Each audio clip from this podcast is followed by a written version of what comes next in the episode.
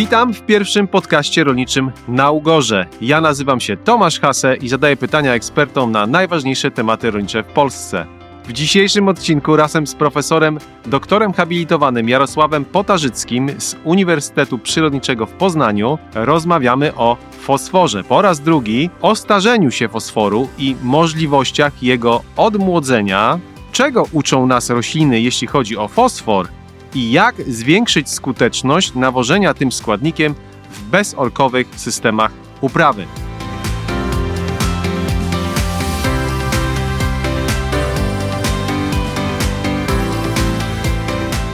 Panie profesorze, witam pana bardzo serdecznie. Dzień dobry, dzień dobry, witam. W sprawie fosforu spotykamy się powtórnie. O jego złożonej naturze, jak on się wikła w te związki, z których trudno mu się wyplątać, jak najefektywniej aplikować fosfor do gleby, zwracać uwagę, jak go wykorzystywać w sposób prawidłowy. Rozmawialiśmy w poprzednim odcinku podcastu i ten odcinek jest cały czas aktualny i dostępny do przesłuchania na naszych platformach podcastowych.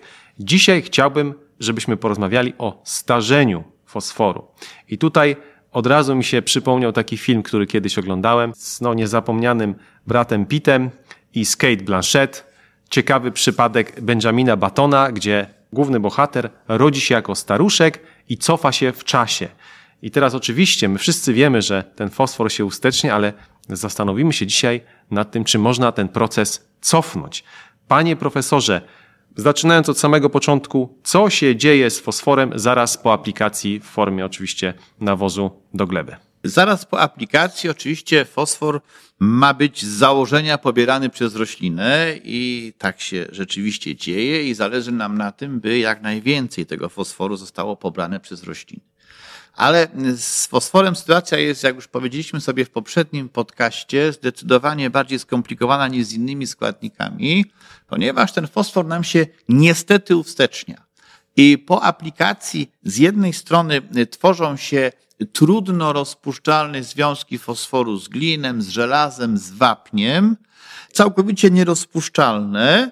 I naukowcy powiedzieliby, że się tworzy tak zwana nowa faza stała gleby, czyli jakiś taki nowy twór zawierający te uwstecznione aniony fosforanowe. Z drugiej strony fosfor tworzy z koloidami glebowymi takie trudne do rozerwania kompleksy. Najpierw tam jest jedno wiązanie, potem drugie wiązanie. Mówiliśmy już o tym kiedyś i w związku z tym on także staje się absolutnie nieprzyswajalny dla roślin. I to jest proces, który nazywamy starzeniem się fosforu. Nikt z nas nie lubi y, rozmawiać o starzeniu się, ale na przykładzie człowieka. Człowiek starzeje się systematycznie i o starzeniu zaczynamy myśleć e, już, powiedziałbym delikatnie mówiąc, w dojrzałym wieku. Natomiast e, fosfor e, niestety zaczyna starzeć się w bardzo krótkim okresie po aplikacji. Możemy to liczyć w tygodniach, w miesiącach. To nie są lata, to są tygodnie i miesiące po aplikacji. I w związku z tym już od samego momentu aplikacji my musimy myśleć, my musimy przewidywać, co się z tym fosforem może stać i jak stworzyć warunki, żeby on po pierwsze nam się w jak najmniejszym stopniu uwsteczniał, a po drugie, jeśli już nam się uwsteczni, czy można go w jakiś sposób odzyskać. Nie wiem, czy pan wie, że roczne spożycie fosforu przez ludność na kuli ziemskiej to jest około 3,5 miliona ton. Natomiast roczna produkcja fosforu to jest około 16 milionów ton. I proszę zwrócić uwagę, jak niewielki procent z tego produkowanego fosforu jest tak naprawdę wykorzystywany przez człowieka. Oczywiście na kuli ziemskiej żyją jeszcze mikroorganizmy, żyją zwierzęta i tak dalej, ale patrząc tylko przez pryzmat człowieka, zwróćmy uwagę, jak duża jest produkcja, a jak, jak mały zasób trafia do naszego organizmu. Ten fosfor gdzieś nam się po drodze gubi. Ale to 16 milionów ton, tak? Produkowany, to, to, to jest, mówi pan o nawozach mineralnych. Tak, tak, tak, tak. Mówię o pozyskiwanym fosforze do produkcji nawozów. Mhm. No to rzeczywiście, on gdzieś później ginie. Pewnie nie wszystko jest wykorzystane w tym pierwszym roku, bo to jest pewna dynamika tych zmian. Z drugiej strony no, gdzieś te zasoby fosforu budujemy tym, co produkujemy, prawda? No bo jeśli go aplikujemy, no to później on będzie wykorzystany w następnych latach, ale znów to nie jest te 100%. Także rzeczywiście jest dużo do zrobienia. Panie profesorze, gdzie znajdują się? No bo one nie giną, nie, nie, nie, nie wyparowują te formy, które się usteczniają. Zakładam, że one ubogacają zasoby glebowe fosforu.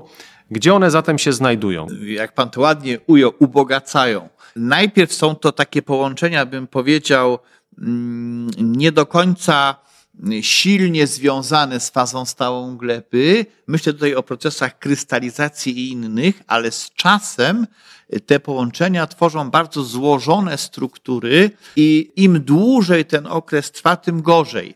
Muszę uruchomić Państwa wyobraźnię.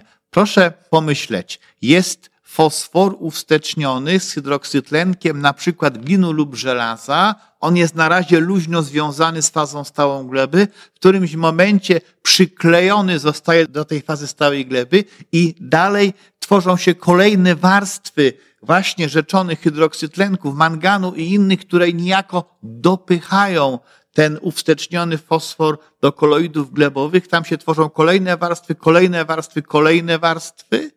Wszystko to tworzy, tak jak powiedziałem, złożone struktury i wtedy powiemy, że fosfor jest okludowany.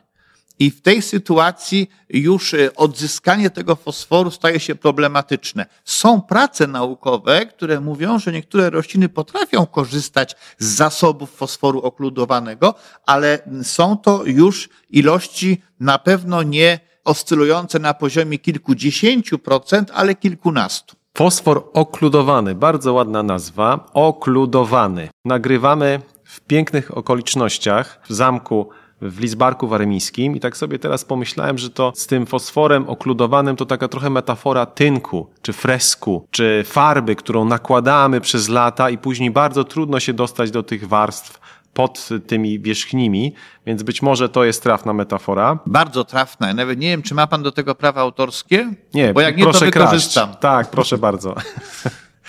Przenieśmy się na chwilę myślami do ekosystemów naturalnych, no bo tam rośliny, w lesie na przykład, nie nawozimy lasu, nie odkwaszamy, a jednak rośliny rosną i to bardzo duże. Oczywiście to wszystko zależy od, od siedliska, ale jednak te drzewa przez tyle lat osiągają olbrzymie rozmiary. One oczywiście też potrzebują fosfor i muszą go jakoś pobierać, muszą sobie jakoś z tym radzić. Jak one to robią? Że w takim ograniczonym jakby ekosystemie z nawożeniem one sobie świetnie radzą. To jest bardzo ciekawy problem, który pan podjął, no bo rzeczywiście, gdybyśmy sobie wyobrazili, że ponad 450 milionów lat temu, gdy prymitywne rośliny lądowe zasiedlały kulę ziemską, to już wtedy przypuszcza się, że mm, były obecne tak zwane symbionty grzybowe. Co to są symbionty grzybowe? To jest jeden ze sposobów, w jakim przyroda, w jakim roślina radzi sobie w poszukiwaniu fosforu. Krótko mówiąc, jest to mikoryza. I y, cóż to takiego jest mikoryza?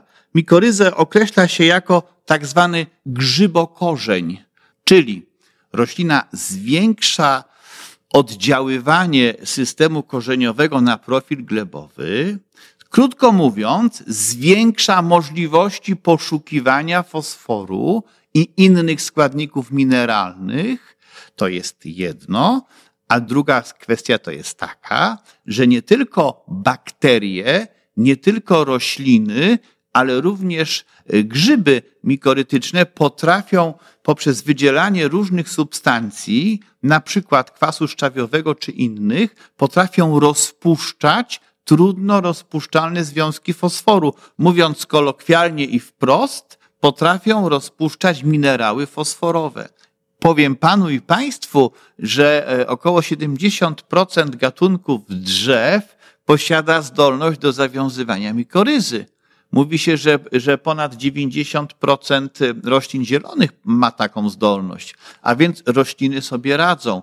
Oczywiście ta mikoryza może być, e, tu już wchodzimy w niuansiki, może być ektomikoryza, może być endomikoryza. Jeżeli ekto, to na powierzchni korzenia, e, grzyb oplata korzeń, w tym, w tym momencie e, łatwiej jest pobierana woda, pobierane są składniki mineralne, a grzyb czerpie korzyści z wydzielin korzeniowych, może ta, ta grzybnia wrosnąć wręcz w korzeń, wtedy mówimy o endomikoryzie i tak dalej. Tworzone są tak zwane kanaliki, gdzie transportowana jest woda i składniki mineralne, ale to już są niuansiki. Rośliny w naturalnych siedliskach muszą sobie radzić i radzą sobie. I chciałbym to bardzo wyraźnie podkreślić, że warto podglądać rośliny. Wiele się od nich można nauczyć. Dokładnie o to chciałem zapytać i fantastycznie pan to opowiedział o mikoryzie. Nie wie pan jeszcze, nie słuchał pan e, jeszcze podcastu z panem profesorem Pietrem. Ja rozmawiałem dwa odcinki wcześniej. On już jest dostępny oczywiście na naszych mediach społecznościowych, na platformach podcastowych. Państwo możecie sobie go odsłuchać. Odcinek nazywa się Sekretne życie mikroorganizmów i tam też z profesorem Piotrem rozmawiamy o mikoryzie, więc fantastycznie to się składa, zupełnie niezamierzony sposób. Co moglibyśmy zrobić w warunkach polowych, żeby uruchomić te procesy rozpuszczania fosforu, nie tylko polegając na mikoryzie, jak możemy spowodować, żeby odkryć te przykryte dawno warstwy tynku, co możemy zrobić, żeby ten okludowany fosfor uruchomić. Mówiąc o podglądaniu roślin, ja dotknąłem tylko mikoryzy, ale my jeszcze musimy je podglądać bardziej szczegółowo i zwrócić uwagę jeszcze na inne aspekty. Jeszcze musimy wspomnieć, jak Pan wywołał ten temat, jak Panie Tomku chce Pan podglądać, no to musimy iść na całość. I w tym momencie będziemy podglądać. Już się boję. Proszę się nie obawiać, mówimy o roślinach. Trzeba jeszcze koniecznie zwrócić uwagę na dwa aspekty. Pierwszy jest taki. Istnieją rośliny, które zakwaszając rizosferę z automatu powodują to, że niektóre te trudniej rozpuszczalne związki fosforu, zarówno uwstecznione, jak i te, które z natury znajdują się w glebie od setek lat, ulegają rozpuszczeniu, częściowemu oczywiście, i w ten sposób fosfor uwalniany jest do roztworu glebowego. Potrafią to robić bardzo dobrze bobowate, potrafi to robić świetnie na przykład rzepak. Nieco inny mechanizm, aczkolwiek ukierunkowany również na pozyskanie fosforu, to jest wydzielanie przez rośliny różnych związków organicznych, jak również wydzielanie różnych enzymów, w tym fosfatas, które również zwiększają rozpuszczalność zarówno mineralnego fosforu, jak i niektórych połączeń organicznych. Panie Tomku, a ja mogę teraz pana o coś zapytać? Proszę bardzo.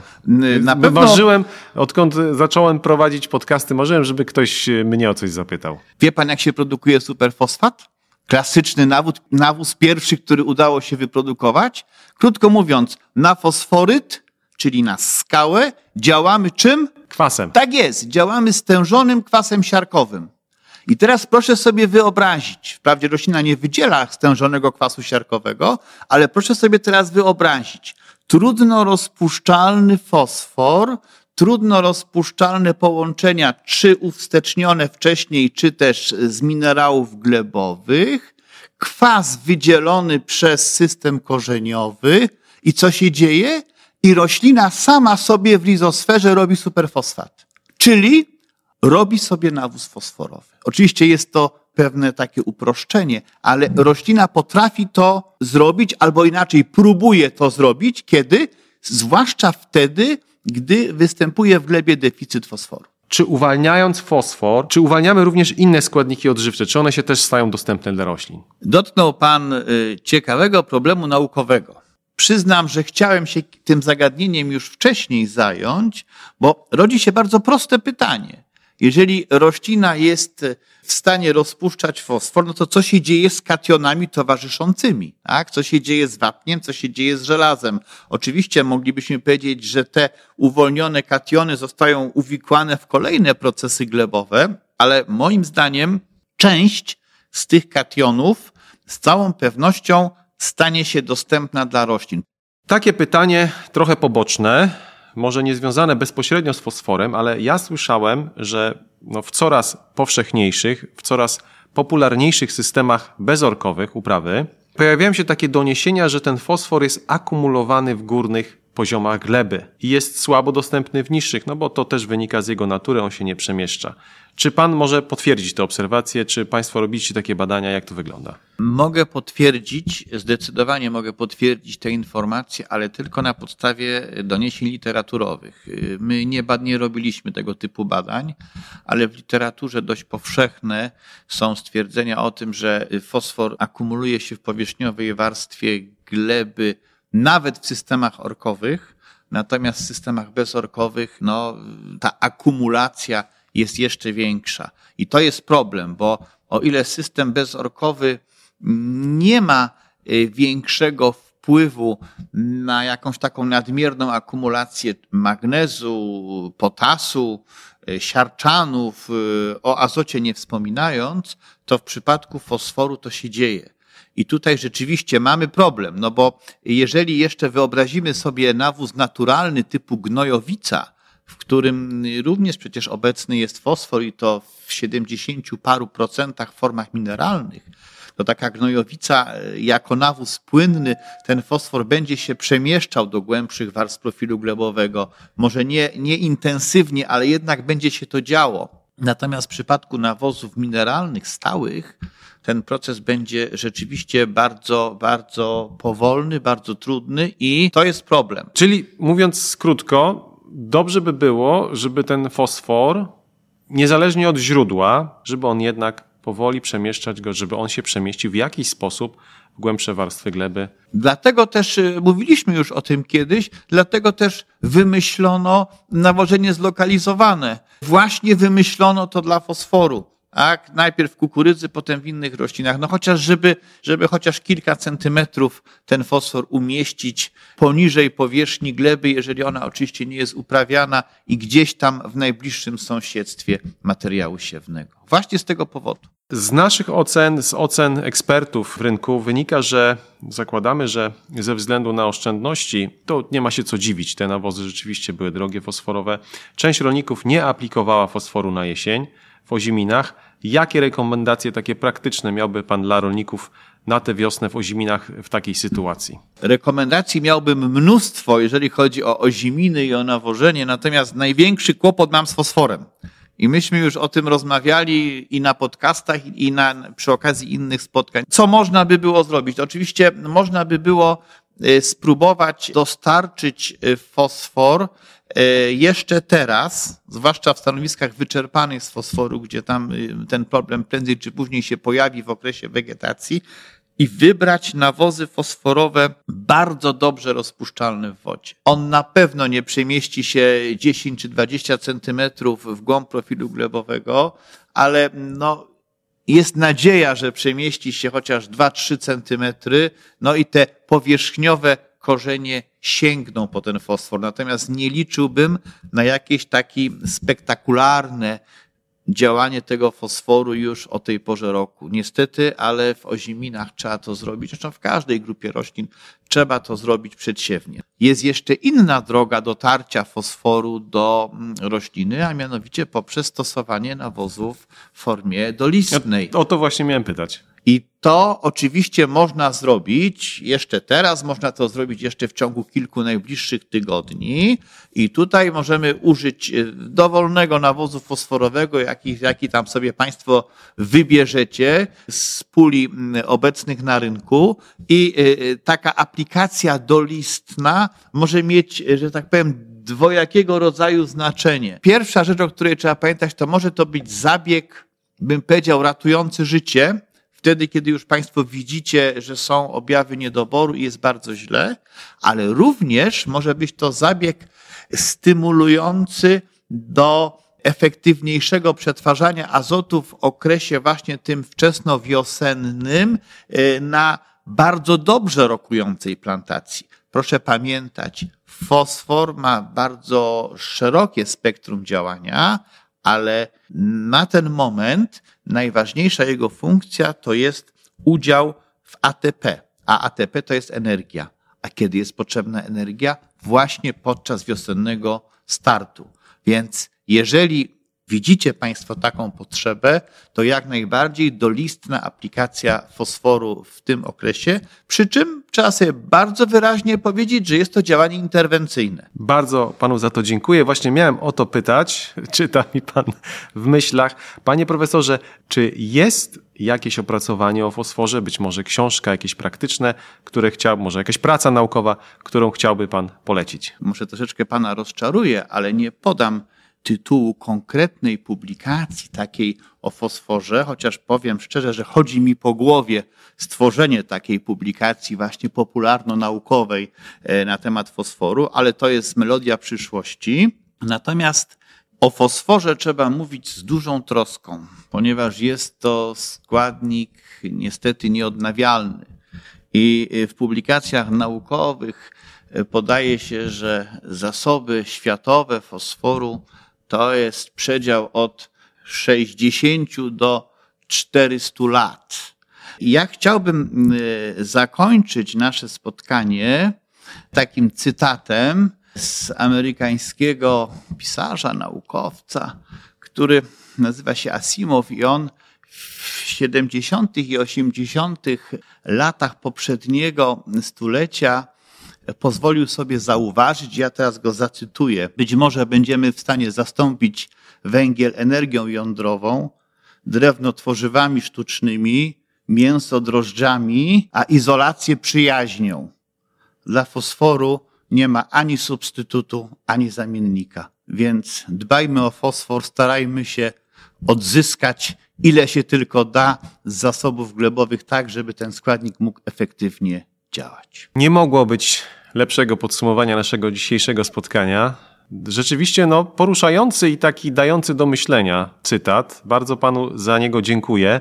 Bardzo panu dziękuję za dzisiejsze spotkanie, za te obrazowe metafory i mam olbrzymią nadzieję, jestem pewien, że spotkamy się jeszcze nie raz w różnych okolicznościach. Zresztą już, jeśli chodzi o sam fosfor, już jesteśmy mówieni na badanie, takie stricte w, na uniwersytecie, więc myślę, że będziemy wspólnie zastanawiali się na ten temat, jak uruchomić to, co już mamy, żeby nie czerpać e, z tych zasobów ograniczonych, o których Pan powiedział.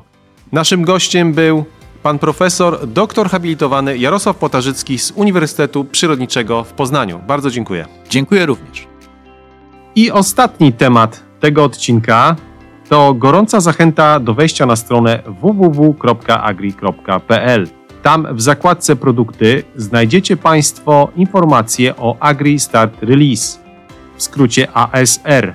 Ten płynny produkt z jednej strony rozpuszcza zasoby fosforu w glebie i czyni je dostępne dla roślin, a z drugiej chroni fosfor aplikowany do gleby przed uwstecznianiem.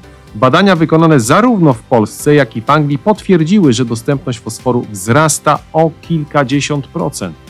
Produkt ten jest szczególnie polecany do stosowania przedsiewnego, ale jestem pewien, że również w zbożach ozimych tej wiosny będzie doskonałym wyborem, gdzie nie zastosowano nawozów fosforowych na jesień. Dodatkowo ASR sprawdzi się we wszystkich systemach upraw bezorkowych, gdzie jak była mowa w podcaście, fosfor akumulowany jest w wierzchnich warstwach gleby. Czy Agri Start Release to rewolucja? Może tak będzie, tego jeszcze nie wiemy, ale na pewno jest to hit sprzedażowy w Anglii i jestem pewien, że doskonale pasuje i wpasuje się również do naszych polskich warunków glebowych. Tymczasem